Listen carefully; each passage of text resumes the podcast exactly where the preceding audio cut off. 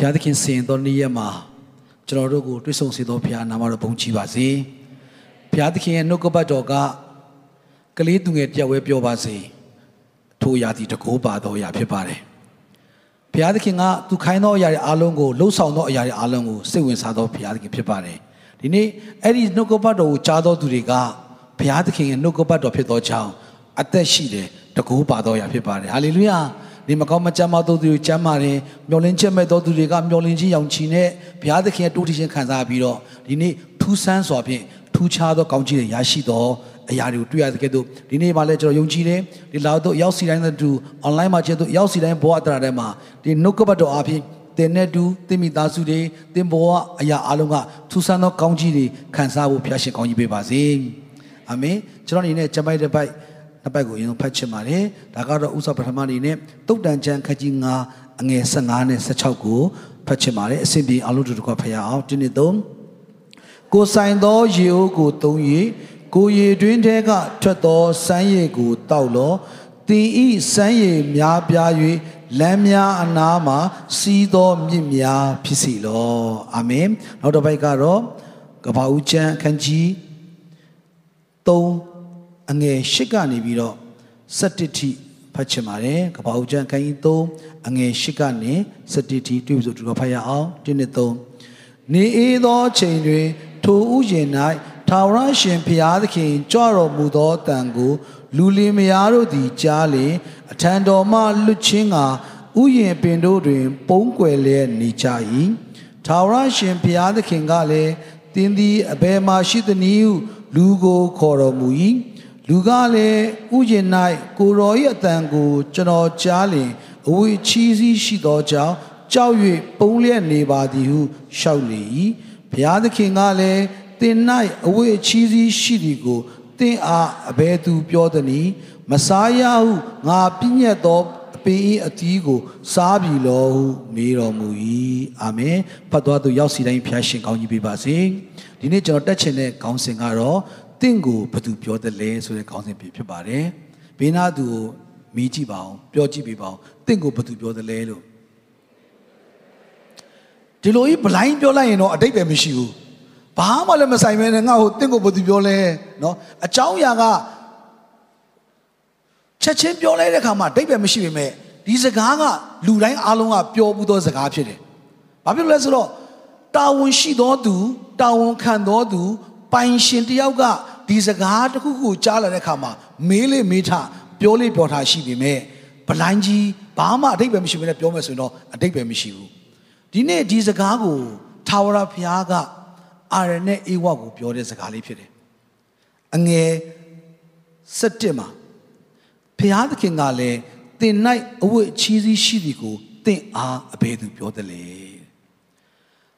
ပြောပိုင်ခွင့်ရှိသောသူတယောက်ကပဲပြောမှာပဲအတိတ်ပဲရှိသလိုဘာမှအတိတ်ပဲမရှိဘဲနဲ့ပြောလိုက်တယ်ဆိုရင်တော့အတိတ်ပဲကင်းမဲ့တာကိုကျွန်တော်တွေ့ရတဲ့ကဲ့သို့ထာဝရဘုရားကအာရနဲ့အေဝကိုပြောတဲ့စကားလေးကတင်းရဲ့ဘဝမှာအဝတ်ချီးစီးရှိနေတဲ့ဆိုတဲ့အရာကိုတင့်ကိုဘသူကပြောတာလဲဘုရားကဘာဖြစ်လို့အဲ့ဒီမေကုကိုမရတာလဲဆိုတော့အဲ့ဒီအာရနဲ့အေဝါကိုသူကပိုင်သားလို့သူကမေးရတဲ့မေကုဖြစ်တယ် သူပိုင်သားသောအာရနဲ့အေဝါကကဘာဦးကျန်ခန်းကြီးတဲ့အငယ်26 29 28မှာကြည့်လိုက်တဲ့အခါမှာသူ့ပုံတရံနဲ့အတူဖန်ဆင်းထားပြီးတော့သူ့ရဲ့ဖြစ်ခြင်းအားလုံးဖျားသားရဲ့ပိုင်ဆိုင်ခွင့်ဖြစ်ခြင်းအားလုံးကိုပိုင်ဆိုင်ပြီးတော့ဖျားနဲ့အတူမိတ္တာရဖွင့်ပြီးတော့ပျော်ပျော်ရွှင်ရွှင်နေရမယ့်အချိန်ကာလမှာအဲ့ဒီလူအာရန်နဲ့အေဝါကအခန်းငယ်ရှစ်မှာနေအေးသောအချိန်မှာတဲ့ထိုဥယျာဉ်နဲ့ထာဝရဘုရားရှင် ကြွတော်မူသောအတန်ကိုလူလင်းများတို့သည်ကြားလျင်နဲ့အထံတော်ကနေပြီးတော့လွတ်ချင်းကဥယျာဉ်ပင်တို့တွင် ပုံကွယ်လျက်နေကြ၏ဖျားနဲ့မိတ္တာရဖွဲ့ပြီးတပုံတစံနဲ့ဖန်ဆင်းထားသော လူတွေကဖျားကိုကြောက်လာပြီးတော့ဖျားစီကနေပြီးတော့ဝေးဆုံးနေရာကိုပြေးကြတယ်ဒီလူဒီခန္ဓာကိုဖျားအကောင်းဆုံးဖန်ဆင်းထားပေမဲ့ဖျားသခင်ရဲ့ရှေ့မှာသူတို့ကမျက်နှာချင်းမဆိုင်ရတော့ဘူးဖျားကရှာတယ် ပြီးတဲ့ခါမှာထာဝရဘုရားကမေးတယ်ဘယ်မှာရှိသလဲဘုရားကအကုန်လုံးကိုသိပေမဲ့ဘုရားကအရာအလုံးနေရာတိုင်းမှာရှိပေမဲ့ဒီနေရာမှာဘုရားကငါသားသမီးတွေဘယ်ကိုပျောက်နေသလဲလို့ပြောတဲ့ခါမှာအကုန်လုံးသိတဲ့ဘုရားသခင်ရဲ့ record မှာတော့မှဒီလူသားတွေကမရှိတော့ဘူးဆိုတာတွေ့နေရတယ်ဖခင်ကတော့မညာတော့ဘူးနော်မြင်ရဲ့သားနဲ့ဗမာလဲလို့တော့မေးမှာမဟုတ်ဘူးသို့တော့ဖခင်ရဲ့ဖြစ်ချင်းထဲမှာ ဒီလူသားတွေကဝေးနေကြတယ်ဆရာကြီးတယောက်ကပြောဘူးတဲ့လင်မြန်းနှစ်ယောက်ကတဲ့တယောက်တော့မျက်စိမိတ်ပြလိုက်ရင်ဘာဆိုတာသိတယ်တဲ့ခေါင်းလေးတစ်ချက်မော့လိုက်ပြီဆိုရင်ပြန်မယ်ဆိုတာတန်းသိတယ်တဲ့စကားအများကြီးပြောစရာမလိုဘူးတဲ့မကျင်တော့ဘူးဆိုတော့အဲ့လိုပြောလိုက်ရင်တန်းသိတယ်တဲ့ဘာမှမပြောပေမဲ့မျက်ရည်မျက်ခြေပြလိုက်ရင်တန်းသိတယ်ဒါပေမဲ့ရံဖြစ်တဲ့ခါကျရင်အကျယ်ကြီးអော်တယ်တဲ့ဘာဖြစ်လို့អော်တာလဲတဲ့မကြားလို့လားမဟုတ်ဘူးတဲ့နှလုံးသားမှာဝေးသွားလို့တဲ့ ဖခင်ရဲ့အမြင်မှာလူတွေရဲ့မိတ္တာရဖွဲတဲ့အရာအလုံးကနီးနီးကပ်ကပ်ရှိနေပေမဲ့အရာအလုံးသိပြီးနေရာတိုင်းမှာရှိသောဘုရားသခင်ကတော့မှဘယ်မှာလဲလို့ရှာနေရတာကဘုရားသခင်ရဲ့နှလုံးသားထဲကနေတော့အရှမ်းဝေးသွားလို့သူဖန်ဆင်းထားတဲ့သူတွေကအရှမ်းဝေးသွားလို့ဘုရားကချစ်လွန်းလို့လိုက်ရှာနေတဲ့ခါမှာလူကဖြေလိုက်တယ်ထာဝရဘုရားသခင်အငယ်တစ်စင်မှာလူကလည်း ဥယျာဉ်၌ကိုတော်ရဲ့အတန်ကိုကျွန်တော်တို့မကြားတာမဟုတ်ဘူးကြားပါတယ်အဝိချီးစီးရှိနေသောကြောင့်ကြောက်၍ပုံနေပါတယ်ဖျားဖန်ဆင်းတော့ကလူတွေနဲ့ဖျားနဲ့ကအချစ်ဆုံးနေရမယ့်သူတွေပျော်ပျော်ရွှင်နေရမယ့်သူတွေဖြစ်တဲ့ကြာမှာသူတို့ဘဝမှာဘာကဖြစ်လာလဲဆိုတော့တခုခုကလိုအပ်လာတယ်ကိုတော်နဲ့တွေ့ဖို့အဝိချီးစီးရှိတာကိုသိလာတဲ့ခါမှာတဲ့ထာဝရဘုရားကမင်းတို့ကိုအဝိချီးစီးရှိတယ်လို့ဘသူကပြောတာလဲ လူအမြင်မှာကတော့နားလည်အောင်ရှင်းပြထားပေမဲ့ဒီလူအားတဲ့လူအေးဝဝေချီးစီမရှိခင်တော့ကဒီတိုင်းပဲဝေချီးစီရှိတဲ့ဒီတိုင်းမှာပဲသို့တော့သူတို့နှလုံးသားထဲကနေပြီးတော့ကိုရောမရှိသောဘဝအတ္တတာကအဆက်ကွဲစရာဖြစ်နေဆိုတာတွေ့တဲ့အခါမှာကိုရောစီကိုမလာရေးကြဘူးအဝေချီးစီဖြစ်တဲ့အခါမှာမျောလင်းခြင်းတွေမဲ့လာတဲ့အခါမှာသူတို့ဘဝအတ္တတာကလုံခြုံမှုမရှိလာတဲ့အခါမှာကိုရောရှိတော်မောက်မှာမနေလာတဲ့အခါမှာသူတို့ဘဝအတ္တတာဒီ ကိုရောနဲ့မတွေ့ချင်လို့ဆိုတွေ့ရတယ်ဒီနေ့ကျွန်တော်နဲ့မိတ်ဆွေအဝတ်ချီးစီးရှိတယ်ဆိုတဲ့အရာလေးကိုပြန်စဉ်းစားစေချင်တယ်မိတ်ဆွေဘဝကကိုရောနဲ့တွေ့ဖို့ရန်အရန်ရှက်ကြောက်နေတော့ဘဝကိုရောဖျားရှိတော်မောက်မှာဖျားသားဖြစ်ပါလျက်နဲ့ဖျားသမီးဖြစ်ပါလျက်နဲ့ကိုရောရဲ့တပုံတရဏီဖန်ဆင်းထားသောသူဖြစ်ပါလျက်နဲ့ကိုရောဖျားသခင်ရှိမှမတိုးဝင်ရဲရလောက်အောင်ကိုရောဖန်ဆင်းထားသောအမှာပြည့်စုံနေပါလျက်နဲ့မပြည့်စုံရတဲ့အခြေအနေအလုံးက ဒီနေ့ကိုရောဘုရားသခင်ဖန်ဆင်းထားသောအရာမဟုတ်ဘူးဆိုတော့နားလဲစေခြင်းတယ်။တိတ်မှာမစုံလင်ခြင်းနဲ့ခံစားနေရတယ်။လုံအပ်ချက်တွေရှိနေတယ်။သင်ဘဝတက်တာထဲမှာတခုခုကငါဘဝမှာမပျော်ရွှင်ဘူး။ဒါမှမဟုတ်ဆိုရင်တခုလိုအပ်နေလို့မိတ်ဆွေစဉ်းစားလိုက်ပြီဆိုရင်တော့ထိုအရာကတော့အာရနဲ့အေဝါလိုပဲတင့်မှာကိုတော်ဘုရားနဲ့ဝေးနေသောအရာတခုရှိနေဆိုတာနားလဲစေခြင်းတယ်။ဘုရားဖန်ဆင်းတော့ကတော့ လူတွေအားလုံးကစုံလင်တော်သူတွေဖြစ်တယ်ပြည့်စုံတော်သူတွေဖြစ်တယ်အာရတဲ့အေဝါသည်စုံလင်တော်သူပြည့်စုံတော်သူဖြစ်ပေမဲ့ဖယားသခင်နဲ့သူနဲ့တွေ့ဖို့ရန်ကြားထဲမှာအတားဆီးကတော့မလုံခြင်းအစင်မပြေခြင်းဒီလူဒီလူခန္ဓာကိုယ်ပါပဲမစုံလင်ခြင်းကရောက်ရှိလာတဲ့အကြောင်းရင်းဒီဒီနေ့ဘုရားသခင်ရဲ့အဖြစ်လည်းမဟုတ်ဘူးစာတန်ရဲ့အဖြစ်လည်းမဟုတ်ဘူးဘသူများဖြစ်ဘသူဖြစ်များဖြစ်မလဲဆိုတော့အာရနဲ့အေဝါရဲ့အဖြစ်ဖြစ်နေတယ် စာတန်ဒီလိန်လို့ရတယ်ညာလို့ရတယ်ဥပမာပြောမယ်ဆိုရင်ငါပြောသီးပုံစံလေးတွေเนาะအယုတ်လေးတွေလည်းအများကြီးရှိတယ်ပန်းသီးပုံစံအယုတ်လေးကလေးစားစရာအများကြီးရှိတယ်အဲ့ဒီပန်းသီးတွေငါပြောသီးပုံတူအယုတ်လေးတွေကော်လောက်ထားတဲ့အယုတ်လေးတွေကိုတင့်ကိုလာစားခိုင်းကြည့်ကြည့်ပြောသီးပါစားပါဆိုရင်တင်ကမစားပါဘူး sorry နော်ဒါကငါပြောသီးအစ်စ်မဟုတ်လို့ကျွန်တော်မစားပါဘူးကျွန်မမစားပါဘူးလို့ပဲပြန်ဖြေမှာဖြစ်တယ် တင့်ကိုအရန်ချစ်လွန်းလို့တင့်ရဲ့အမေကတင့်ကိုလာကြွေရောစားပါလို့ပြောဆိုရင်အေးလေအမေကကြွေတယ်ဆိုတော့စားလိုက်မယ်ဆိုရင်အာကိုဆုံးဖြတ်မိတယ်ဆိုရင်တော့အမေအမမဟုတ်ဘဲနဲ့တင့်ရဲ့အတွေးခေါ်မှာတခုမားနေလို့ဖြစ်လိမ့်မယ်စာရန်ကလက်ဖြားလို့ရတယ်သွေးဆောင်လို့ရတယ်အဲ့ဒီသွေးဆောင်ခြင်းကိုလိုက်သွားစေတဲ့အရာကကျွန်တော်တို့တွေးခေါ်တဲ့မှာဒီအပြောသည်ပန်းသည်အယုတ်ကြီးကိုတကယ်ထင်ပြီးတော့ဝါနေမိတဲ့သူရဲ့အမှားဖြစ်တယ်လို့မျိုးစာရန်ဒီသွေးဆောင်မှုကိုအ ပြစ်မဟုတ်ပဲနဲ့မိတ်ဆွေနဲ့ကျွန်တော်ဘဝတရားထဲမှာဒီအဝတ်စလစ်ဖြစ်ခြင်းအဆက်ကွဲခြင်းမစုံလင်ခြင်းမပြည့်စုံခြင်းအမှုရာအလုံးဖြစ်စေတာကမိတ်ဆွေနဲ့ကျွန်တော်နဲ့ပတ်သက်နေဆိုတော့နားလဲစေခြင်းတယ်ဒီနေ့ဒီနှုတ်ကပတ်တော်အဖြစ်မိတ်ဆွေဘဝတရားမှာလွတ်မြောက်ခြင်းကျမ်းမာခြင်းရရှိပါစေအာမင်အောက်မှာဆက်ဖတ်မယ်အခန်းငယ်7မှာဘုရားသခင်ကလည်းတင်၌အဝတ်ချီးစီးရှိသည်ကိုတင့်အားအဘယ်သူပြောသနည်းမစားရဟု ငါပြည့်ညက်သောအပင်အသီးကို စားပြီလောဟုမေးတော်မူ၏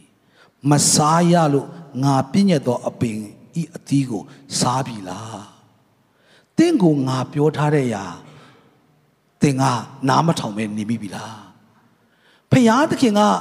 ဒီကောင်းမကောင်းတီကျွမ်းရအပင်ရဲ့အသီးကိုမစားနဲ့လို့ပြောနေတဲ့အချိန်မှာစားရင်တည်ရမယ်အေဝါအာရနိုကတော့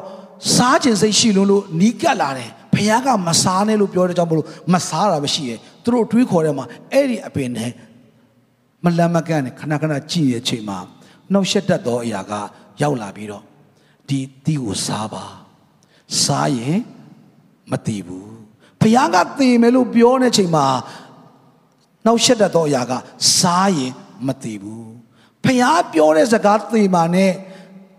လှည့်ဖြားသောသူပြောတဲ့အရာရဲ့မသိဘူးဆိုတဲ့အရာနှိုင်းယှဉ်ကြည့်မယ်ဆိုရင်တော့ကျွန်တော်တို့ကတော့သိမယ်ဆိုတဲ့အရာတော့ယူချင်မှာမဟုတ်ဘူးမသိဘူးဆိုတဲ့အရာကိုပဲယူချင်ချင်မှာဖြစ်တယ်လောကကြီးမှာကျွန်တော်တို့ဘဝအတ္တထဲမှာ trend တွေမျိုးမျိုးပြောင်းလဲနေတယ်တိုးတက်မှုတွေအများကြီးကျွန်တော်လိုက်နေတယ်တကယ်ကိုကျွန်တော်တို့လောကကြီးရဲ့အောင်မြင်မှုတိုးတက်မှုတွေအားလုံးလိုက်လာတဲ့ခါမှာလောကကြီးရဲ့အခြေအနေအားလုံးကတော့မင်းဘုရားကြောင့်မတည့်လဲဘာမှမဖြစ်ပါဘူး ဆယ်ဖို့တဖို့မထည့်လဲဘာမှမဖြစ်ပါဘူးဖရာသခင်ကိုမကိုးကွယ်လဲဘာမှမဖြစ်ပါဘူးအစင်ပြေပါတယ်ဆိုတဲ့အရာကဖရာသခင်ရဲ့နှုတ်ကပတ်တော်ကစားရင်သေမယ်ဆိုတဲ့အရာနဲ့နတ်ဆိုးပြောတဲ့လှည့်ဖြားသူပြောတဲ့အရာကစားရင်မသေဘူးဆိုတော့နှိုင်းရှင်တကယ်လို့နေ့စဉ်မှာကျွန်တော်တို့ဘဝအတရာတွေကနှိုင်းရှင်ဆရာတွေအများကြီးရှိလာတယ်အာရန်အေဝါက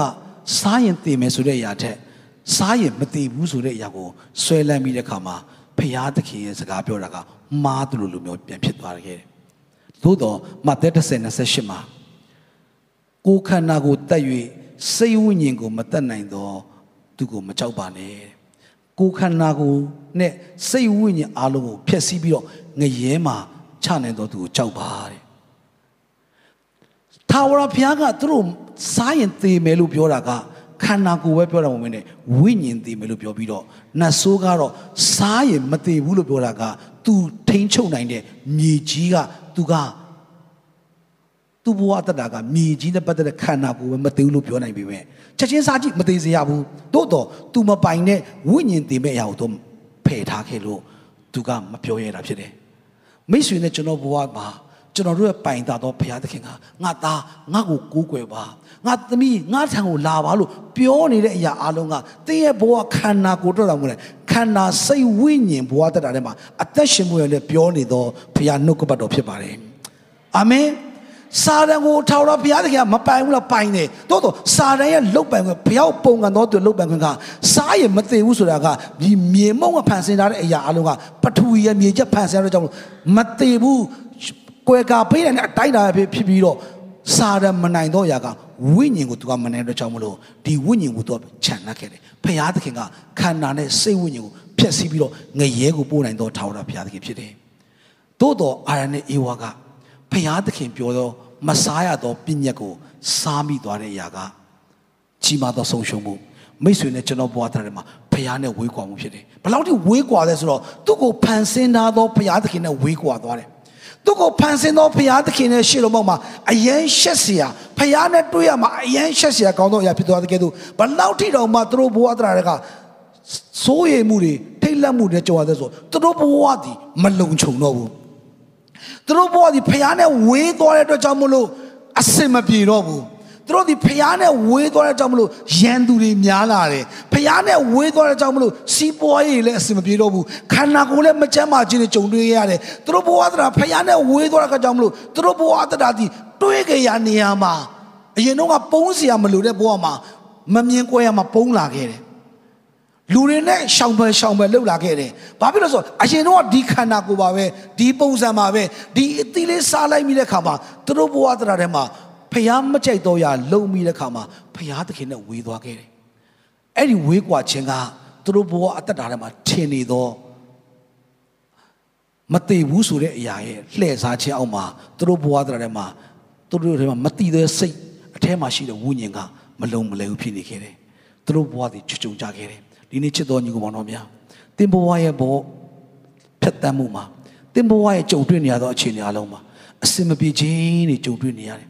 ခက်ခဲချင်းတွေကြုံတွေ့နေရတယ်မထင်ထားတဲ့အမှုရာတစ်ခုတစ်ခုသင်ကြုံတွေ့နေရတယ်ဆိုရင်ဒီနေ့မိတ်ဆွေပဲအရေးကြီးတယ်နံပါတ်1ဖရာသခင်စီမှာပြန်သွားဖို့ရန်အတွက်မိတ်ဆွေစဉ်းစားဖို့ရန်အတွက်အရေးကြီးတယ်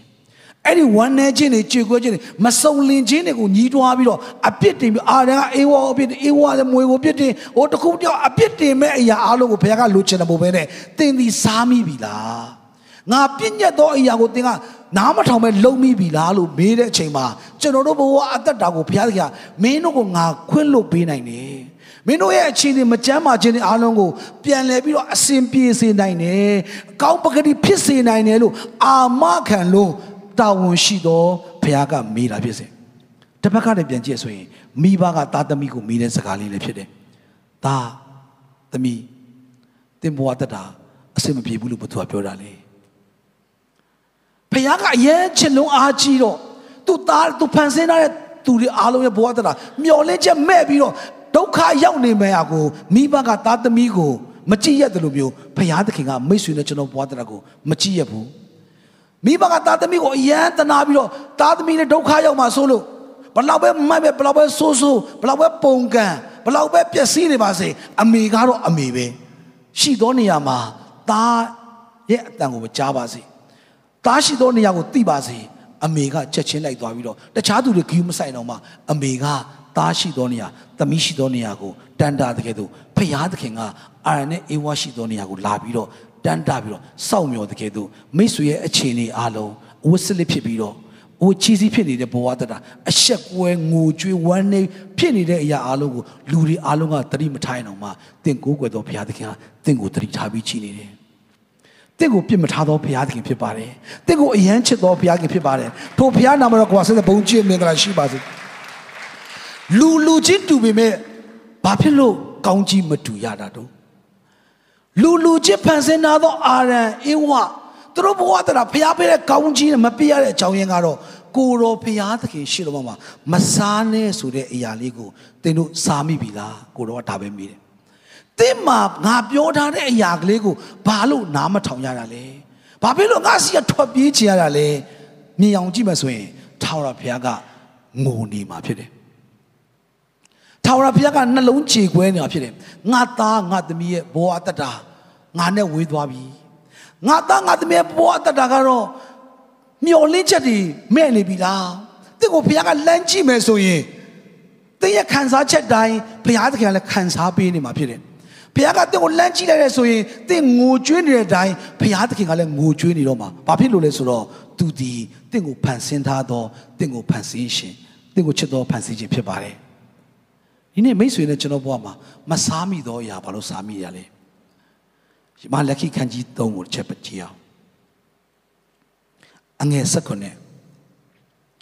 ဘိုးဘေးတို့လက်ထက်မှစ၍တင်တို့သည်ငါစင်ထုံးဝချက်တကိုမဆောင် တင်းရှောင်ကြပြီငါထံသို့ပြန်လာကြလောငါသည်လည်းတင်တို့ထံသို့ပြန်လာမည်ကောင်းကင်ဘုရားရှင်ထာဝရဘုရားမိန်တော်မူ၏ဟာလေလုယာဘုရားသခင်ကတင်းတို့ဘိုးဘေးတွေကလည်းငါ့ကိုစွန့်ပေးပြီငါစီကိုပြန်လာပါမင်းတို့ငါဖိတ်ခေါ်တယ်ငါထံသို့ပြန်လာကြပါငါစင်ထုံးဖွဲ့သောအရာတွေအားလုံးကိုတင်းတို့တွေကနားလည်းမထောင်ဘူး မဆောင်ရှောက်ဘူးတိန်းရှောင်နေကြပြီငါထံသို့ပြန်လာစေချင်တယ်ဖခင်ကခေါ်နေတဲ့အကြောင်းအရာပြန်ကြည့်မယ်ဆိုရင်အာရနဲ့အေဝါကိုလိုက်ရှာတယ်လို့ပဲလူတွေကိုလိုက်ရှာတယ်ဆိုတွေ့ရတယ်ဖခင်ပဲအာရအေဝါရှိတော့ဘာလို့ပုံနေတာလဲဆိုလို့လက်ညှိုးတောက်ထုတ်လို့ရတယ်သို့တော့နှလုံးသားထဲမှာသူတို့နဲ့မရှိတော့ဘူးဖခင်ကသူတို့ထဲမှာမရှိတော့တဲ့ခါမှာဖခင်ကစောင့်မျှော်နေငါသားငါသမီးမင်းရဲ့ရွေးချယ်ခွင့်အားလုံးတွေထဲကနေပြီးတော့ငါ့ကိုမရွေးချယ်တော့ဘူးလား ငါ့ကိုဦးစားမပေးတော့ဘူးလားဘာဖြစ်လို့တိန်းရှောင်နေတာလဲငါပြောထားတဲ့ပညာချက်တွေကိုမဆောင်ရှောက်ဘဲနဲ့ငါနဲ့ဝေးနေနေတာလေအဲ့ဒါတွေဆောင်ရှောက်ဖို့ရတဲ့ငါထံသို့ပြန်လာပါအမေတယောက်ကသားသမီးကိုစိတ်ဖိတ်ခေါ်ပြန်ခေါ်နေတယ်လို့မျိုးငါသားသမီးရေငါစီပြန်လာပါငါထံသို့ပြန်လာကြပါကောင်းကင်ဘုရှင်ရှင်ထာဝရဘုရားမိန်တော်မူတယ်ဘုရားသခင်ကသူကိုယ်တိုင်ကျွန်တော်နဲ့မိတ်ဆွေကို ဖိတ်ခေါ်နေတယ်တင်းရဲ့ဘဝတတအစင်မပြေခြင်းတွေကနေပြီးတော့လွတ်မြောက်ခြင်းတယ်ဆိုရင်ခက်ခဲမှုတွေကနေပြီးတော့တကယ်ကိုလွတ်မြောက်ခြင်းတယ်ဆိုရင်ထာဝရဘုရားသခင်ကငါသားကသူပြန်လာပါအငယ်ခုနှစ်မှာပဲအကျွန်ုပ်တို့သည်အဘယ်သို့ပြန်လာရပါမည်နည်းတင်တို့မေးကြသောအခါလူသည်ဖျားသခင်ဥစ္စာတော်ကိုလူယူရမည်လောသို့တော်လည်းတင်တို့သည် ငါဥစ္စာကိုလူယူကြပြီအကျွန်ုပ်တို့သည်အဘယ်သို့လူယူပါသနည်းဟုတင်တို့မေးလျင်ဆယ်ဖို့တဖို့ကို၎င်းပူဇော်တက္ကတို့ကို၎င်းလူယူကြပြီဆယ်ဖို့တဖို့ပူဇော်တက္ကဆိုတဲ့အရာကတာမန်သူချင်းချင်းကိုဘယ်တော့မှမပေးပါဘူးပူဇော်တက္ကဆိုပြီးတော့ကိုနဲ့အရန်ခင်တဲ့တကယ်ချင်းတယောက်ကိုဗလိုက်မပေးဘူးမင်းယူနေလားလို့တယောက်ကပြန်ဖြေနေမယ်လက်ခံတဲ့သူကနင်ဘာဖြစ်နေတာလဲ ငါကမှဖះမမဟုတ်တာငါကနင်းထမမြင့်မြတ်တဲ့သူမဟုတ်တာဘာလို့ပေးတာလဲဖះကဆယ်ဖို့တဖို့ပူဇော်တကားဆိုတာကလူတွေရဲ့အမြင်မှာမြင်သာအောင်ပြောပြီးတော့ဖះပြောချင်တယ်ငါထံသို့ပြန်လာပါငါကိုဖះနေရာမှာပြန်ထားစမ်းပါ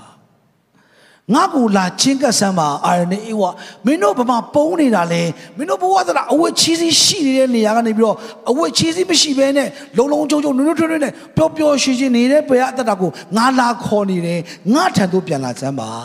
ငါကိုပြန်လဲပြီးတော့ဥချပြီးတော့ငါကိုပြန်လဲပြီးတော့ကိုးကွယ်စမ်းပါငါကိုနေရာပေးစမ်းပါ မင်းတို့စီကခိုးယူသွားခဲ့တဲ့နှလုံးသားမင်းတို့စီကနေထွက်ပြေးသွားပြီးတော့ငါစီကနေခိုးယူခံပြီးတော့မင်းတို့နဲ့ငါတို့ဂျားထဲမှာအတားစီဖြစ်စေအရာတို့ဖယ်ရှားပြီးတော့အဲ့နှလုံးသားနဲ့ငါထံသို့ပြန်လာပါလို့ထာဝရဘုရားသခင်ကကျွန်တော်နဲ့မိတ်ဆွေကိုဖိတ်ခေါ်နေကိုတော်နဲ့မိတ်ဆွေကိုးကွယ်လို့ရတဲ့အရာကမိတ်ဆွေနဲ့ကျွန်တော်ဘဝတရားထဲမှာကိုတော်နဲ့တူအခြေယူပြီးတော့ကိုတော်ဘုရားကိုချစ်ချောင်းပြတဲ့အရာကတော့ဒီနေ့မိတ်ဆွေကိုဘုရားသခင်ပေးထားတဲ့ပြည့်ညက်ချက်တွေကဆယ်ဖို့တစ်ဖို့ပေးခြင်းဖြစ်တယ် ကျွန်တော်တို့တစ်ခါကျဆယ်ဖို့တစ်ဖို့လေးဖြစ်တယ်လို့လုံမိတတ်ကြတယ်ပူဇော်တကောင်ဖြစ်တယ်လို့လုံမိတတ်ကြတယ်တကယ်တမ်းတော့မိတ်ဆွေကိုးကွယ်သောဘုရားသခင်ကိုကျွန်တော်ကိုးကွယ်ပါတယ်ကိုတော့ကိုကျွန်တော်ယုံကြည်ပါတယ်ကိုတော့ထံပြန်လာပြီးတော့ကိုတော့ဖရာသခင်နဲ့ကျွန်တော်ဒီနှလုံးသားချင်းမှန်ကန်ကိုတော့ချစ်ပါတယ်ဆိုတဲ့အရာကိုပြသတော့အရာဖြစ်ပါတယ်ဆရာတွေပြောလို့လည်းမထည့်ပါနဲ့မိတ်ဆွေနှလုံးသားထဲကနေပြီးတော့ကိုတော့ကိုကြောက်ရွံ့ခြင်းနဲ့ထည့်စေခြင်းနဲ့ ပူဇော်တကားဆိုတာကကိုးကွယ်ထိုက်သောသူကိုပဲပူဇော်ရတာဖြစ်တယ်မိတ်ဆွေနှလုံးသားထဲမှာထာဝရဘုရားကပြန်လာပါငါသားတို့မင်းတို့နှလုံးသားငါနဲ့အယံဝေးလာပြီမင်းတို့ရဲ့ဘဝထဲမှာအဝတ်ချီးစီးရှိပြီးတော့လူကြားသူကြားလည်းမသွားဘူးမသွားနိုင်ဘူးအစင်မပြေဘူးခက်ခဲနေတဲ့ဘဝတရားတို့ငါမကြည့်ရတော့ဘူးအဲ့ဒီအရာတွေအားလုံးရှုံးနေတော့ရာ ခက်ခဲတော့အရာအလုံးအစင်ပြေသောဘဝတရားကျမ်းမာသောဘဝတရားအရာအရာအလုံးအတွက်ငါသည်တင်တို့အတွက်အကောင်းဆုံးပြင်ဆင်ထားပေးတယ်လာစမ်းမှာငါစီကိုတိုးဝင်ခြင်းကပါငါ့ကိုကိုးကွယ်ပါငါ့ကိုအားကိုးပါဆိုတော့ယုံကြည်ခြင်းတဲ့မိတ်ဆွေဘွားတရားပြန်လာဖို့ရန်အတွက်ကိုတော်ကဖိတ်ခေါ်တဲ့အခါမှာမိတ်ဆွေဘွားတရားမှာဘလို့ပြန်လာရမှာလဲလို့လူတွေမိတဲ့အခါမှာထာဝရဘုရားသခင်ကမင်းတို့တွေကစေဖို့တဖို့တွေပူဇော်တကားတွေနဲ့ငါစီမလာကြတော့ဘူးငါ့ကိုဦးစားမပေးကြတော့ဘူး မင်းတို့ဘိုက်ကိုဦးစားပေးကြတယ်မင်းတို့ရဲ့အဝတ်စားတွေဦးစားပေးကြတယ်နင်တို့ရဲ့အလှကုန်တွေဦးစားပေးကြတယ်စေဖို့တဖို့ထဲပူဇော်တကားတွေထဲငါ့ကိုနံပါတ်1ဦးထိတ်မထားတော့ဘူးဒါကြောင့်မလို့တင်တို့ဘဝအတ္တတာအဆက်ကွဲမှုဝမ်းနည်းမှုအစင်မပြေမှုတွေဖြစ်နေတာလို့ထာဝရဘုရားသခင်ပြောနေတာဖြစ်တယ်ဘလို့သိရလဲဆိုတော့အခန်းငယ်30မှာ ဆယ်ဘုဒ္ဓဘုရှိသည်မြကိုဘန္နာတိုက်ထဲသို့သွေးငါအိမ်တော်၌စားကြစီခြင်းကပြုကြလော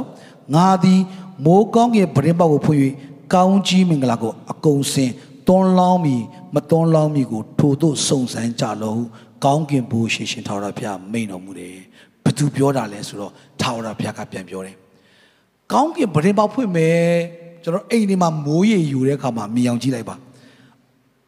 ဒီမိုးတစ်စက်နှစ်စက်ကြားတဲ့နေရာနေတော့အဆက်ရေကြလာတဲ့နေရာဆိုရင်ကျွန်တော်အနောက်ရှက်တော့ရမ်းဖြစ်တယ်တိမ်လုံးဝမကြခင်ဆိုတယ်မိုးကောင်းကင်ပရင်ပေါက်ဖွင့်နေဆိုရင်တော့ကျွန်တော်တို့ဘဝမှာဘယ်လောက်ထိကောင်းကြီးများနိုင်မလဲဘယ်လောက်ထိဆူဆွနိုင်မလဲဒီအရာရဲ့အစကလေကျွန်တော်တို့မြင်တဲ့မြင်ကဗရင်းပေါက်ကြီးပွင့်လာမယ်စီးကြလာမယ်ဆိုတော့ပဲမြင်တာအဲ့ဒါကအရက်ခက်ခဲလို့ထင်တယ်နော်ဘယ်ဘုရားသခင်ကတကားပေါက်ကြီးပွင့်ဘယ်လိုကြနိုင်မှာလဲ လူတွေးကောတွေးမယ်ဆိုရင်တော့ဒီအရာမဖြစ်နိုင်ဘူးလို့ထင်ပေမဲ့ဖြစ်နိုင်တဲ့အရာတစ်ခုကသင်ကကိုရောစီမှာပြန်သွားတဲ့ပြန်လှည့်ပြီးတော့ကိုရောစီမှာပြန်ချင်းကတဲ့အရာတစ်သေးလေးပဲစကြည့်လိုက်ကိုရောကသင်တောင်းတတာထက်သင်စုမတောင်းတဲ့အရာတွေအလုံးကိုစိုးစုပြီးတော့ပြည့်ရှံစေမဲ့တာဝန်ကကိုရောတာဝန်ရလို့ပြောချင်တာဖြစ်တယ်အာမင်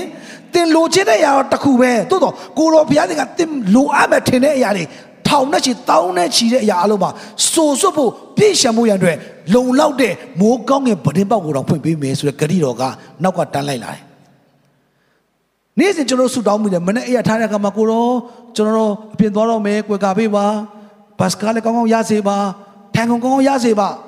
ကျွန်တော်အဲ့လောက်ပဲဆူတောင်းမိတယ်အဲ့ဒီတောင်းတာတဲ့အပြင်သင်လမ်းမှာလမ်းလျှောက်တဲ့အခါမှာခလုံးမတိုက်မိဘူးပါကိုတော့ကကွယ်ကာပေးတယ် ဘတ်စကားစီးတဲ့အခါမှာကပိုင်းနဲ့မမိဖွင့်ရတဲ့ကိုတော့ကွယ်ကာပေးတယ်ကားအက်ဆီဒန့်မဖြစ်ဖွင့်ရတဲ့ကွယ်ကာပေးတယ်သင်ရှူလိုက်တဲ့လေကတန်ရှင်းဖို့ရလည်းဖះကွယ်ကာပေးတယ်အများကြီးပဲကျွန်တော်တောင်းမိတဲ့အရာကတေးသေးလေးပဲကိုတော့ထပ်မှာပြန်လာပြီးတောင်းမိတဲ့တေးသေးလေးပဲသို့သောကိုတော့ကအဲ့တောင်းမိတာတေးသေးလေးတဲ့စုံလင်သောကောင်းငင်ပဒိမကိုဖွင့်ပြီးတော့တင်းကိုကြွယ်ဝဆိုချပေးဖို့ရတဲ့ကိုတော့ဖះရဲ့ဂတိတော်ကတင်းအတွက်အစဉ်သင်းရှိနေတယ်တင်းသာပြန်လာခဲ့ရင် ကိုတော့ဖះထံမှာကိုတော့ဖះကိုကြောက်ရွံ့ခြင်းနဲ့ပြန်လာခဲ့ရင်အဝတ်ချီးစီးရှိသောဘဝအတ္တတာကနေပြီးတော့လွတ်မြောက်ခွင့်ပေးမဲ့ဘုရားသခင်ကဒီနေ့မိတ်ဆွေကိုကြိုးဆိုနေတယ်။ဒါတည်းမကသေးဘဲနဲ့ကြိုက်စားတတ်သောအကောင်ကိုတင်တို့အတွက်ငါဆုံးမ၍တင်တို့ရဲ့မြေအသီးနှံကိုမဖျက်ဆီးအား။တင်ရဲ့စီးပွားရေးမှာတင်ရဲ့ခန္ဓာကိုယ်မှာတင်ဘဝတရမှာမလိုအပ်တဲ့ဖျက်ဆီးတတ်သောအရာတွေအားလုံးအတွက်ကိုတော်ဘုရားသခင်ကတာဝန်ယူပေးမယ်။ ကျွန်တော်တို့ဘဝမှာလိုအပ်နေတဲ့ကာကွယ်မှုတွေလိုအပ်နေတဲ့လုံခြုံမှုတွေအားလုံးအတွက်ထာဝရရှင်ဘုရားသခင်တာဝန်ယူပေးဖို့ရန်အတွက်သူကဂတိတော်နောက်ကနေလိုက်လာပြီးသားဖြစ်တယ်။ငါသားငါသမီးမင်းဘဝတက်တာထဲမှာအဝတ်ချီးစီးရှိပြီးတော့အဆက်ကွဲနေမဲ့အရာတွေအားလုံးပိုးကြိုက်ထားတဲ့အရာအားလုံးအစင်မပြေတဲ့အရာအားလုံးတော့ကြမ်းမာဖို့အစင်ပြေဖို့လုံခြုံဖို့အဆက်မကွဲတော့ဖို့ မျက်နာမငယ်ရတော့ဖို့ဘိုးစင်ပေါင်ဆက်မျက်နာငယ်သောအရာတွေအားလုံးကနေပြီးတော့မျက်နာပွင့်လဲရသောအခွင့်ကိုရရှိဖို့ရန်အတွက်ကိုတော်ဘုရားသခင်ကြိုက်စားတတ်သောအကောင်တွေကိုတင့်အတွက်ငါဆုံးမပေးမယ်ဖယ်ရှားပေးမယ်လို့မပြောဘူးနော်အဲ့ဒီအကောင်တွေအားလုံးငါဆုံးမပေးမယ်တင်းရဲ့စီးပွားရေးတွေကိုတားဆီးနေသောသူနှောက်ယှက်နေသောသူတွေအားလုံးငါဖယ်ပေးမယ်လို့မပြောဘူးတင်းကိုတိုက်နေသောသူတွေအားလုံးငါကဆုံးမပေးမယ် နလန်မထူနိုင်အောင်ထာဝရဘုရားသခင်ကတင်းရန်သူတွေတတ်ပေးမယ်မြေတင်တို့မြေအသီးနှံကိုလည်းမဖြက်စီးရ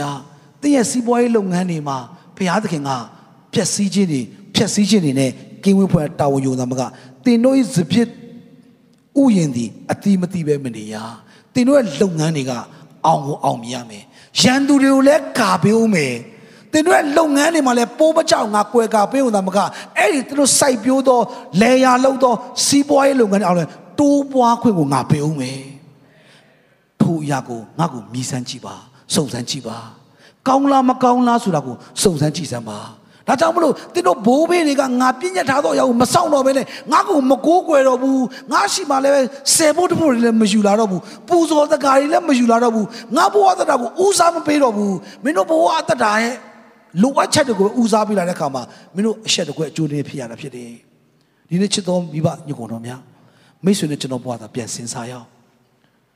အစင်မပြေခြင်းဆိုတဲ့အရာကဘုရားကောင်းကြီးမပေးတာမဟုတ်ဘူးနားလဲစေခြင်းတယ်ကျွန်တော်ဘဝမှာတယောက်တယောက်မတူတဲ့အခက်အခဲအားလုံးမှာအစင်မပြေခြင်းဆိုတာကဘုရားကဖြစ်စေတဲ့ရာမဟုတ်သလိုစာတန်လွတ်လို့လည်းမဆိုင်ဘူးအဓိကကတော့မိတ်ဆွေနဲ့ကျွန်တော်ရဲ့ ကိုးကွယ်မှုမှာလိုအပ်နေလို့ပဲဖြစ်တယ်ထာဝရဘုရားသခင်ကတဲ့ဝချီးစီးရှိနေတယ်ဆိုတာကိုဘယ်သူပြောတာလဲတင်ဘဝမှာဒီလိုအခက်အခဲကြုံတွေ့နေတဲ့အရာကိုဘလို့ဘသူကပြောတာလဲကိုတော်ဘုရားသခင်ငါထံသို့ပြန်လာပါတင်ဘဝမှာဆုံးဖြတ်ချက်မှားခဲ့လို့ငါ့ကိုဦးစားမပေးခဲ့လို့သာလေတင်မှားခဲ့တာဖြစ်တယ်လို့ထာဝရဘုရားသခင်ကမိတ်ဆွေနဲ့ကျွန်တော်ဘဝတတကိုနှိုးဆော်နေတယ်ဒီနေ့2023ခုနှစ်ရဲ့ January လမှာမိတ်ဆွေနဲ့ဘုရားသခင်နဲ့ကိုးကွယ်မှုကကိုရော့ကိုဘယ်နှယောက်ဦးစားပေးပြီလဲတုတ်တန်ချက်ခိုင်းသုံးငယ်ကိုမှာကိုဥစ္စာနဲ့အူသီးသောအသီးနဲ့ရှိသမျှကိုထာဝရဘုရားကိုပူဇော်ပါဦးစားပေးပါသို့ပြုလေတင်းရဲ့စပချီတို့သည်ကျွယ်ဝါ၍စပစ်သီးနေရာတစားတို့သည်အသက်တော်စပစ်ရှန်လိမ့်မယ်မိတ်ဆွေဘဝတရားရဲ့ပိုရှန်ခြင်းတွေလေယာလုပ်ငန်းတွေအဆင်ပြေခြင်းတွေ စီးပွားရေးလုပ်ငန်းတွေအောင်မြင်ခြင်းတွေအရာရာအားလုံးအောင်မြင်ခြင်းတွေအားလုံးကဒီနေ့ထာဝရဘုရားသခင်ရှိတော်မှာပြန်လာပြီးတော့ကိုရောကိုဦးစားပေးခြင်းကနံပါတ်1ဖြစ်ဆိုတွေ့ရတယ်အာရနဲ့အေဝါဒီထိုနေရာမှာအဝတ်ချီးစီးရှိပါတယ်လို့ပြောပြီးတော့ကိုတော်ကျွန်တော်ကိုကယ်ပါလို့သာပြောခဲ့ရင်သူတို့ကိုဖန်ဆင်းသောဖရာသခင်ကသူတို့ကိုမရိုက်ဘူးသူတို့ကိုဖန်ဆင်းသောဖရာသခင်ကသူတို့ဘဝတော်ကိုမပစ်ပယ်ဘူး သူတို့ကိုဖန်ဆင်းသောဖရာသခင်ကချက်ချင်းကဘာဦးကျမ်းမှာစပြီးတော့အာရနဲ့အေဝါကိုသူ့ပုံတရံနဲ့ဖန်ဆင်းတဲ့အတိုင်းချက်ချင်းဘုရားသခင်ကနမိတ်လက္ခဏာနဲ့ပြောင်းလဲစေမလို့ကျွန်တော်ယုံကြည်ပါတယ်အာမင်ယောရှုမဆာအခန်းကြီး6ဣသေလလူမျိုးတွေကခါနန်ပြည်ထဲရောက်လာရင်ယော်ဒန်မြစ်တစ်ဖက်ကိုရောက်လာပြီယေရီခေါမြို့ကြီးကိုဝင်တိုက်မဲ့ချိန်မှာယေရီခေါမြို့ကြီးရဲ့နံရံကကျွန်တော်ကွန်တိန်နာကားနှစ်စီးစာလောက်သွားလို့ရတယ်နေရ အရန်ထူတယ်သူတို့ရဲ့စစ်တိုက်ရမဲ့ပညာရည်ချင်းကတန်တရွင်းထွန်ချစ်အဲ့လောက်ပဲရှိတဲ့ဘဝတတာဖြစ်သေးတယ်ဟိုဘက်ကရေဒီခေါမြို့ကြီးမှာရှိနေတဲ့ရန်သူတွေကမြို့ထဲမှာရှိတဲ့သူတွေကဒါလက်နက်တွေအများစွာရှိပေမဲ့ဣသေလလူမျိုးရဲ့ဘဝမှာဒုတ်တို့တန်ချွန်တို့ထွန်ချစ်တို့အဲ့လောက်ပဲရှိတဲ့ခါမှာစစ်တိုက်မယ်ဆိုရင်မဖြစ်နိုင်တဲ့အချိန်မှာထာဝရဘုရားကယောရှုကိုမေးတယ်ပြောတယ် တော့တိုက်တဲ့ခါမှာစစ်လက်နက်တွေအစားငါပြောတဲ့စကားကိုနားထောင်ပါပထမ6ရက်မှာတော့တရက်ကိုတစ်ပတ်ကိုတစ်ပတ်စီပတ်ပါရေဒီခေါ်မျိုးကြီးကိုသူနောက်ဆုံး9ရက်နေမှာတော့9ရက်ကိုခုနချိန်ပတ်ပါဆိုပြီးတော့ဘုရားသခင်မိန်ကြားချက်ကယောရှုနားလေတဲ့စစ်တိုက်ခြင်းနဲ့တော့ဘာမှမဆိုင်ဘူးသို့တော့ဘသူပြောတာလဲဆိုတော့သာဝရဘုရားပြောတဲ့ကြောင့်မလို့အယံမှန်ကန်နေတယ် အာမင်စစ်တိုက်ခြင်းမှာဒါလက်နဲ့တွေတုံးရမယ့်အစားထာဝရဘုရားသခင်ကသူ့နီးကကျွန်တော်တို့နီးတဲ့အရန်ကွာခြားတယ်ပထမရက်မှာတပတ်ပတ်6ရက်နေ့တပတ်စီပတ်ပါ9ရက်နေ့မှာ9ရက်ပတ်ပြီးတော့အကြီးကျယ်အကြရပတ်အော်ဟင်းလိုက်ပါလို့ပြောတဲ့ချိန်မှာသူတို့တိုက်စီရမလို့တရွင်းပြားပေါက်တူးမဆောက်၍ဘာမှပစိန်မဆိုင်ဘာမှလှုပ်ရှားမလို့နဲ့သူတို့ကိုတားဆီးနေတဲ့အုတ်နယံကြီးကပြိုလဲပြီးတော့ သူတို့ဘဝမှာတခါမှမပိုင်ဆိုင်ဖူးသေးတဲ့ခါနန်ပြည်မှာရောက်တဲ့ပျော်ရွှင်ခြင်းတွေဝမ်းမြောက်ခြင်းတွေအားလုံးတဲ့အောင်ပွဲကိုသူသိမ့်ပိုက်ခွင့်ရရှိခဲ့တယ်အာမင်ဖခင်ပြောတဲ့အရာကပဲအမှန်ဆုံးဖြစ်တယ်ကျွန်တော်တို့စဉ်းစားတာကမှန်ကောင်းမှန်နိုင်တယ်ဓာတ်တွေတန်ချုံတဲ့သူတက်တိုက်ရမယ်ဆိုတဲ့အရာမှန်ကောင်းမှန်နိုင်တယ်သို့တော့ဖခင်ပြောတဲ့နေရာမှာကတော့ပိုအမှန်ဆုံးဖြစ်တယ်မိတ်ဆွေရဲ့စီးပွားရေးအတွက်လူမှုရေးအတွက်အမျိုးမျိုးစဉ်းစားကောင်းစဉ်းစားလိမ့်မယ် ဝစ်ဝစ်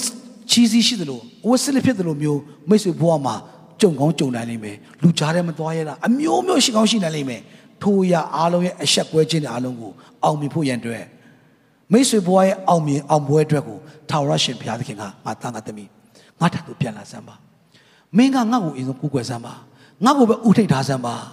ငါ့ကိုပဲနေရာပေးစမ်းပါယောရှုတို့ကယေရီခေါမြို့ကြီးသွားတိုက်တဲ့ခါမှာထာဝရဘုရားက မမှားပြီမဲ့ယောရှုကဘာပြောလဲဆိုတော့ယေရီခေါမြို့မှာရသမျှအားရအားလုံးဒီကျွန်တော်နေတစ်ချက်ဖတ်ချင်တယ်ယောရှုမစာခိုင်း6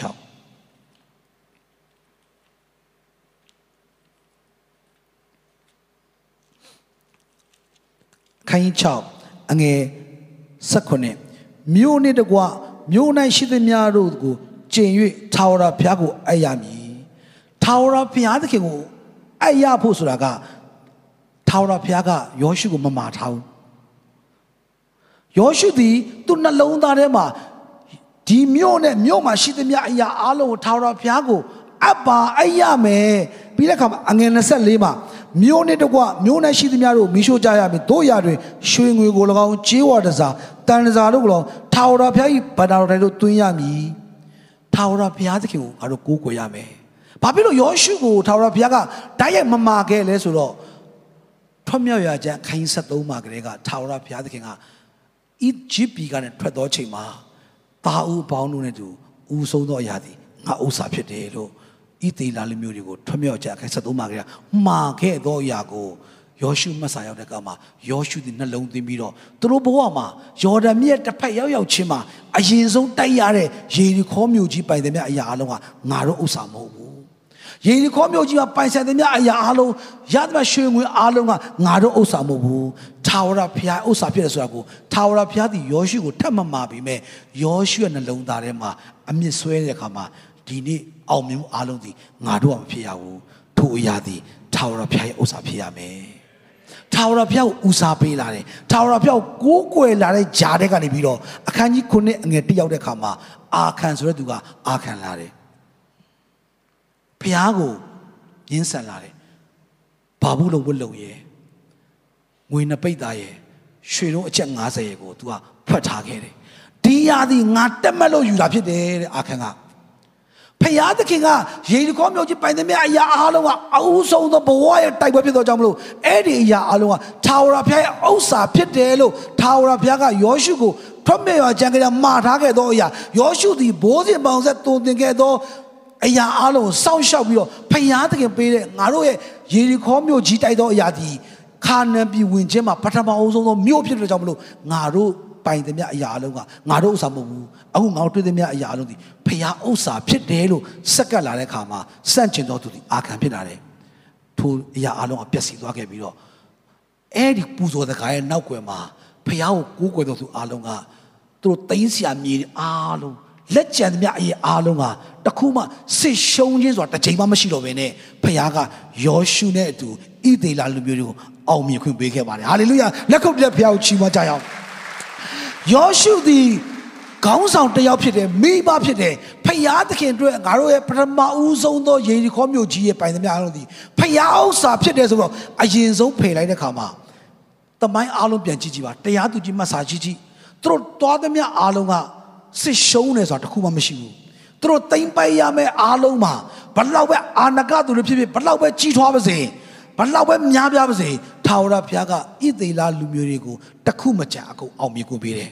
စစ်ရှုံးပြီးထွက်ပြေးရတယ်ဆိုလို့အာခံပုံကန်လို့အာဤမျိုးကိုဝင်သိမ်းတဲ့အရာတစ်ချက်ပဲပါတယ်မိတ်ဆွေနဲ့ကျွန်တော်ဘွားတတာ